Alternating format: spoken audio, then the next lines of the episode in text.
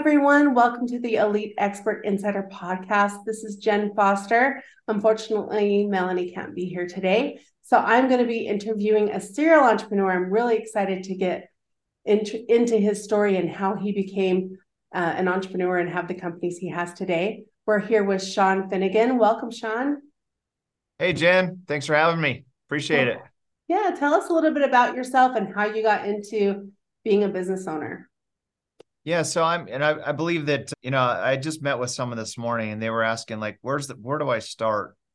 It's like I, I want to build a business. Where do I start? And I, I believe the best place to start is start with what problems are out there 1st mm-hmm. and then you know the value you bring is just essentially solving the problem and pain for business owners, right? Right. And so for that's kind of the, that was our premise behind Tax TaxHive because I'm not a tax I hated accounting in, in high school and co- college. It was like, it was like, you know, it's like, you know, nails along the chalkboard whenever mm-hmm. accounting came up. Yes. And so I'm not an accounting Excel. person, but I, yeah, it's yeah. pretty miserable stuff. Mm-hmm. So, so I definitely that was we do know that was a problem because we're serial entrepreneurs, we're business people, and you know, it, the problem is paying high you know amount of dollars in taxes but it causes all sorts of pain and havoc in your business because it's an unexpected expense. So that was the whole idea of saying hey why don't we build a tax business to help solve that? And especially for the smaller business owner that's just not served in the space. Mm-hmm. and so what is different between besides your tax company and just hiring an, an accountant? Yeah so you know a lot of I'll give you an example. I have a good friend. He paid literally a couple weeks ago. He paid 1.2 million in taxes. Wow. That he wasn't expecting, and mm-hmm. it was not a good day for him to hear from his CPA that he had to pay a 1.2. A big chunk of his wealth went in the form of a check a few weeks ago. So I sat him down and I was like, "All right, you. I mean, this is the pile of deductions that you should have. It should be like this big. How big is your deduction pile?" And as we uncovered and un- unpacked it all, his deductions were like tiny that he was taking. And I think it's just like business owners, they get and just if I ask business owners to think about it, their expenses, it's always like payroll expense, shipping cost, product cost, all this kind of stuff. And no business owner ever says tax cost. And so it comes back and, and it really kind of stings you. So we focus heavily on you know, focus on doing some planning now while the game is going on. Don't wait until tax time and hand your stuff over in a shoebox and pray for a miracle. That's a bad strategy. So we help business owners right now. Like, hey, the buzzer hasn't sounded. Why don't we stack up these deductions that you can actually qualify for as a business owner? And then when it comes to tax season, boy, you're just in a much better spot than most people do. Yeah, I like that. I, I think that's kind of a big red flag if your CPA is surprising you with a tax mm. bill, because shouldn't they be the helping you figure out that stuff? I thought that's what you pay them for. yeah. Yep. And generally it's only because the business owner waits till the very, very last second. Ooh, I mm. see. Yeah, because they don't give them all the, the stuff. Yeah. So, so, walk us through if someone comes to you, what would you take them through or what kind of things do you help them with figuring out what can I write off? Or what can I have as a deduction? Yeah. So if you're a W 2 person, you could take up to around 10 deductions. That's not a lot. Mm-hmm. So most people do two or three deductions if you're a W 2 employee, right? So so when you go from W 2 and like as your channel is so smart because I think that business owners, you know, they a lot of times, especially solopreneurs, they're on an island. That's why I love your content and I've been absorbing what you talk about. It's it's like t- I highly recommend business owners taking a percentage of their day and just going through your podcast and getting education because they're not gonna they're not in a position to walk down the hall and go talk to someone, right? Mm-hmm. And say, hey, I got this problem. Here's what I need some advice. So they're in a position right now where they just kind of make decisions in a bubble sometimes and on their own. Mm-hmm. And generally, so what happens is, let's say you're a W 2 person, you're taking two deductions, and you now are going to make that leap and it's a leap of faith and you're going to become an entrepreneur you're going to make an impact and you're going to go tackle the world well no one says okay entrepreneur let me show you now you can take up to 1400 deductions right. you can actually unpack all this this is all this potential over here you could do it here and no one does that. And so they kind of have that mindset of a w2 taking you know 10 deductions but the whole code's written for business owners. That's what fuels america. That's what fuels mm-hmm. our country. So the code is written for business owners and there is a treasure chest sitting there and no one's described or explained that to them so we try to show them hey this is actually what's potential. Take right. advantage of the code that's written for the business owner. I like that. Well and i think a lot of times people aren't educated and they think oh well i just I'm a W 2 employee and I just pay, you know, I get money back at the end of the year. So I'm happy. They don't mm-hmm. realize that they're giving that money to the government on loan and then they're giving mm-hmm. some of it back. Yeah. it's actually their yeah, money. We, we, feel like that business owner should put that money right back into their business and grow their business, mm-hmm. right? That's where the money belongs. That's the most efficient way you can spend your money is within your business as opposed to anywhere else. Yeah. Well, tell us a little bit about the story of TaxHive and how it came about because I think you got a really great story about something to do with Shark Tank. Yeah. Yep. The mm-hmm. shark himself. So, you know, we started TaxHive with this problem saying, hey, we want to solve this problem for business owners. And then we're like, huh. And I think anyone who watches your channel, like, think about like who is a good strategic partner that can help you sell your product. And it doesn't have to be at the level of a shark but it could be anyone that has a good following. We have mutual friends that have good followings. Mm-hmm. And so we're like, hey, who's a good following, has a great following that if we put their face in their videos and their advertisements, that would give us a multiple on our response and marketing and sales and everything else. And so we came up with, you know, going after uh, Shark Tank as an insanely successful show. It's been on for so many years its demographic is like from little kids watch it to 90 year olds. So it's all over. Yeah. And it's hard to make an entertaining business show. And they've actually, they were, the, they were kind of the ones that have cracked the code. Right. So they have Well, you know, it was Dragon's Den before Shark Tank because it was in yes. Canada and, U- and UK before that. Yes, for sure. So Dragon's Den, which is another great name. Yeah. you know, you bring these dragons together. I met some of the Dragon's Den members in Canada. I think it's still mm-hmm. Dragon's Den up there, right? So we're like, we had a relationship with Kevin. So we had worked with Kevin. We had done entrepreneur training events with him and booked him for many times. So I traveled with him for many years with Kevin and we love his brand and he's the Mr. Wonderful. He's got this edge about him, right? And America loves him some like you know love or hate the edge about right. him but he's he definitely creates energy about him and we really loved him as an individual and so we decided to reach out to him and say hey why don't we do a strategic partnership relationship with kevin and so i literally sent him a text i said hey we have a bit we didn't i didn't talk to him about the business what we're going to present him with and i said hey we have a business we want to share with you and see if you're interested. And he said, okay, I'm going to be in Arizona on this day. So we set it up. His right hand is Nancy. Uh, she is rock star, does all of really all the work. So it's Kevin and Nancy. And if you watch the show, he says, if you don't know your numbers, you're dead to me, right? Mm-hmm. You don't know. And I've actually been on the set twice and they don't allow anyone to go on the set ever since COVID. But so I've been on the show set twice, and I've watched these people pitch, and it is it's an emotional, scary, yeah, grueling, yeah. By the time they hit that stage, they've raised money from friends, family. They put their own dollars into it, and it's a scary thing. So, so if you watch it, if you don't know your numbers at that point, you get lit up pretty good, right? So I knew this. We all knew this. So we prepared every line graph, every bar chart there is. We knew numbers inside and out. Kevin wasn't going to call us out on our numbers. And we felt something similar in that, hey, a lot's riding on this. If he says no, it's back to the drawing board on how do we really scale our business. And so, now the pressure's on. We stand up to go launch into the presentation.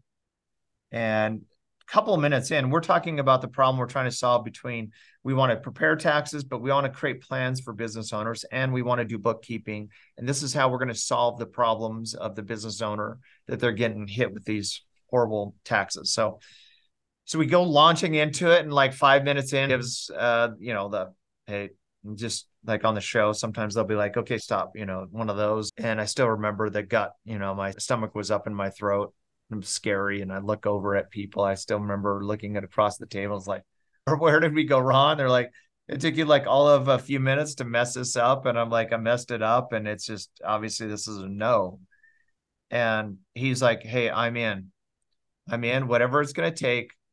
I'm going to do it. And we formed a relationship from there. It took a lot longer to get all that done, but he is now an, an investor, equity partner in the business. And he has been an incredible value add because he's on all sorts of publications and he talks about the importance of business owners really taking care of the tax mm-hmm. piece. I love that. I love that story. That that's great that you have a you can tie in with a partner like that as well, just for that credibility piece, right? That's what yeah. we like doing that with books. I, my very first book I did was um, with Dan Kennedy, so I could be on the cover mm-hmm. with Dan, so I could have that credibility. yes, it builds credibility. You get such a great lift.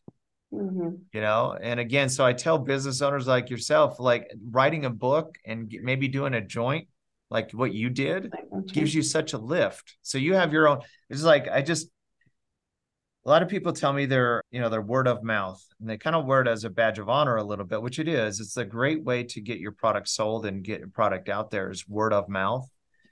But how much better could they do at word of mouth if they had real tools like, hey, I have a book that I can lead with. Mm-hmm. I have credibility of being like you've created some best-selling authors out of that that creates talk about word of mouth if you really want to have word of mouth what if you were a best-selling author and now you have word of mouth. Yeah. Imagine the power of that word of mouth and what happens to your network size because of that. So i just think there's so much more business owners can do to increase the amount of you know the word of mouth and referrals that they receive. I think it's such right. a, such a great way to scale business. Yeah, which kind of leads me into another story that I heard you tell recently, which is a type of word of mouth, which is using influencers to help you sell a product. Mm-hmm. So tell us about, I know you have a few companies, tell us about yeah. how you used an influencer on TikTok to sell and make a ton of money. So tell us about that. Yeah, so I, I I didn't know that there's influencers for everything. I mean, it's amazing. There could be influencers like it doesn't matter what interest you have, there's an influencer for it. And it's a, really this new, like, uh, call it newer. It's a newer wave over the last several years, but these influencers are f- highly effective at selling products. And they demo products and they show products, and this is a massive business. So, my wife and I started a blow dry bar. It's like four or five miles from here called Wild Ivy Blow Dry Bar. And we have out front, if you go to any of these blow dry bars or salons, there's always product out there. And generally, the model is you try to almost break even on the services. If you can make some there, you're doing really well, and your profit generally is in the product. And we knew that. Hmm. And that's why when you go into a lot of the salons, the first thing you see is product because they're trying to get you to buy those products. Right. Those products are where they have the best margin. Of, and that's a true with a lot of companies like gas stations and all that. Like mm-hmm. they barely make money on gas, but then you go inside and they make money on the pop and the chips and all yes. Same with movie theaters, everything else. So we knew this was something big. And so we're like, what products can we put out there that are different, unique, and will mm-hmm. stand out? We went to one of those big conventions where they have tons of products. Your back hurts, your knees hurt, your head hurts. And we're walking around that space and we look over and there's a big British flag above a certain area. And we go up to that British area and the whole every business under there, all these booths are British companies that they came out from Britain to present their products to the US and trying to launch it to the US. And in one of the middle spots, there's this nice lady from England, and she's got a table uh, filled with these brushes called Rock and Ruddle brushes. And they're incredible brushes. I mean, they actually stimulate. You have great hair. Like, look at your hair is like so great.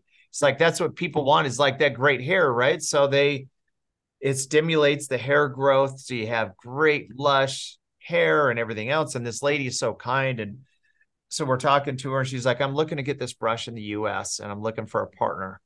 And I just like I invite anyone who watches your show, keep those antennas up because opportunities are every around every corner.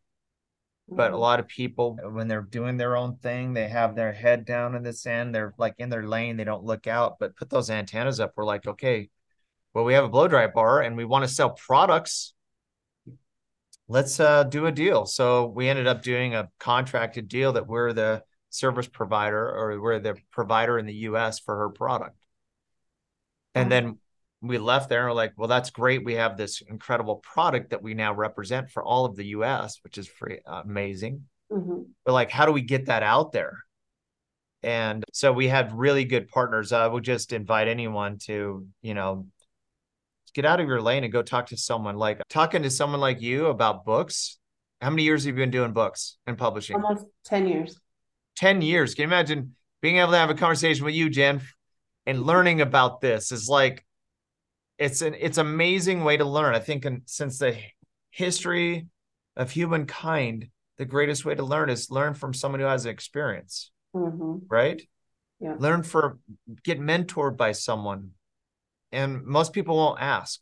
So they won't go up to you. They're like, I'm just going to go do this book. And you end up seeing this title of the book that's so bad and don't know how to market it and they don't know how to become a bestseller and they're just trying to go form a wheel mm-hmm. on their mm-hmm. own. Right. Versus going to talk to you. Right. So, yeah, success leaves clues, right? You, you got yes. it's, it's already been done. Just learn from what they've already done. Don't have to go reinvent the wheel. uh, if they went to you and said, "Hey, I'm looking to do this book," you would probably be able to look at it and say, "Hey, have you thought about this? What about that? You know all the blind spots because you've been through it. You know every pitfall. You've been mm-hmm. doing it for 10 years and you've created bestsellers. Yeah. So like I think that the wealth of information just sitting down and talking with someone like yourself saying, "Hey, this is actually what I want to do." And then you know how that's been done because you can and then you duplicate it again. Right. So uh, we have a great marketing firm that I work with called Syndicate Marketing. And I met with Syndicate Marketing and I said, Hey, I have this product, but I don't know how to sell it. And I don't know how to distribute it. And they helped us to open up the door for affiliate marketing, which is like, so anyone who's watching this who has a product or a service, that's an incredible way to sell your product is these mm-hmm. people online. They, they probably have friends and family that are online that have a great following that are just a perfect fit for their product. So mm-hmm. so we reached out to one. There's hair influencers out there, and one's one. Her name is Jasmine, and she has incredible hair, and she does these products and services that help her with her hair management. Anyways, do a deal with her, and generally these influencers. Hopefully, you can get them for a percentage of revenue. Some want upfront money. Don't mm-hmm. I wouldn't recommend starting there because some will say, "Yeah, I'll do a post, but it's ten grand up front."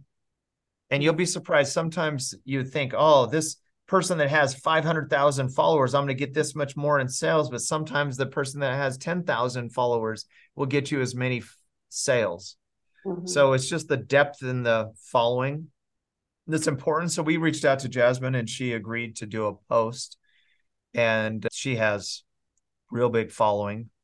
And per post, she was averaging the brush sells on Amazon right now. The Rock and Ruddle brush sells for 60 bucks. And she was selling roughly a thousand brushes per post wow. in the product. So it's around 60 grand. So she makes six to 10,000 per post. And we sell, you know, a thousand brushes per post. And it's on Amazon, which Amazon gets a lift, everything else. So mm-hmm. done about you know in the millions on top line revenue from that now the margins aren't incredible you know, still working on the margins of it, single digit, possibly maybe about nine to 10% margin. Mm-hmm. But that's that's the life of a business owner is you're working on margins, you're working on like how do I sell my product and get it out there. And so mm-hmm. that's the rock and ruddle brush. I love it. I love that you talk about the margins too, because I think a lot of entrepreneurs think, oh, if I'm not making a certain percentage, then it's not a good deal. But mm-hmm. it is a good deal. Like uh, not many people know, but my grandfather started Maverick and he used to do deals on napkins. And if he could make a penny on the gas, then he would do it, you know? So, like, you know, it, sometimes it, the margin isn't huge, but it's still good business. Yeah. And TaxHive, we have this, this, one of the most brilliant people I know here says, uses this quote when you stop testing, you die. And that's mm-hmm. the model we go by. I think on a weekly, daily basis, we have multiple tests going on and marketing, multiple tests on everything. Everything is testing to try to beat your previous control piece, right? Mm-hmm. And so for, for me on margin, I know if I have an eight or nine percent margin on that brush, what if I were to mix in some hair ties that have a 40% margin? What if I were to possibly do some you know, some nutritional supplements for hair and mix that in. And what if could I do a blended average of 12% to 14% and really work on that margin? It's important that you just constantly test new things to mm-hmm. try to improve and don't rest on where you are, right? Right. Yeah. I, I do like that, adding in the new products and everything. I remember the very first time Maverick Country Stores got uh, frozen yogurt. And I think mm. their margins on that were, were really big. but I yeah. remember tasting that frozen yogurt and thinking, wow, that's going to be really cool to have ice cream in the Mavericks, you know, even though it was frozen yogurt. But right. Like I think thing. I contributed to their bottom line during that time because I loved their yogurt. Right. right. mm-hmm. Awesome. Well, tell us, uh, Shawn, is there anything else you want to to share with us about taxes or about entrepreneurship before we wrap up? Yeah, I just think the most common question I always get because I'm a networker by nature is basically how do I go approach people to scale my business? I think it's the greatest way for me to personally scale business is to build relationships. And then there's opportunities to monetize in those relationships, right?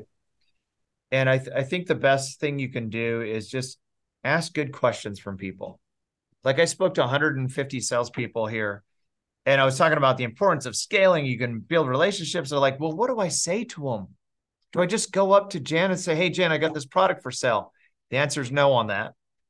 I want to go up and I want to seek to understand what you do, Jan. Tell me about the book publishing world. That's a mm-hmm. question that I would ask you. And it's fascinating what you do. And as you're talking, I probably am going to figure out your universe and then I'm going to figure out how I can fit into that space mm-hmm. versus me trying to approach you and saying, I have this universe of TaxHive. This is what I do, Jenn. You got to come over here. Right. So I think you just got to say, Stephen R. Covey, first seek to understand and then to be understood. Remember that. Just ask questions and understand people and in that process you'll figure out how you fit into their world and your products fit into their space and your service will work. So that's my biggest advice is eh, seek to understand first and what you do. I love that. Well tell us where people can go to find more information about you and your company. Taxhive.com right here. Go check us out. We've piled all sorts of we're like we've learned that you want to lead with value in all of your marketing, your websites, everything else. You don't want to have this be just a straight sales thing where if you click on tax TaxHive, this is straight. So we provide tons of value on taxhive.com. If you go there and don't even use our services, you go there, you're going to learn a ton about things you haven't considered. There's tons of articles, tons of videos, tons of content. That's all free. We put it out there. There's a business blueprint. You can actually click on that and you get a blueprint that we built with our technology here that will actually it's for your own purpose that will help spit out some areas that you're probably not taking advantage of in taxes right now. So go check out taxhive.com i'm finnegan shawn so you'll find me on instagram facebook love to connect. I'm on linkedin all that stuff. That's what i do. I connect with people. So i'd love to connect with you and your audience. Awesome. Thanks shawn for being here. We'll go ahead and put that link up in the show notes taxhive.com and Finnegan Shawn can be found on all the social media platforms. Thanks again for being here. If anyone wants to write a book or publish a book, look to us to help you. And you can visit us at eliteonlinepublishing.com. Hey, are you looking to increase your revenue, build credibility, and elevate your brand? This podcast is brought to you by Elite Online Publishing an innovative publishing and full spectrum marketing company. They will publish and market your book to make it a number one bestseller. Becoming an author is the best way to market your business. So contact them at eliteonlinepublishing.com today. All of their authors become number one bestsellers.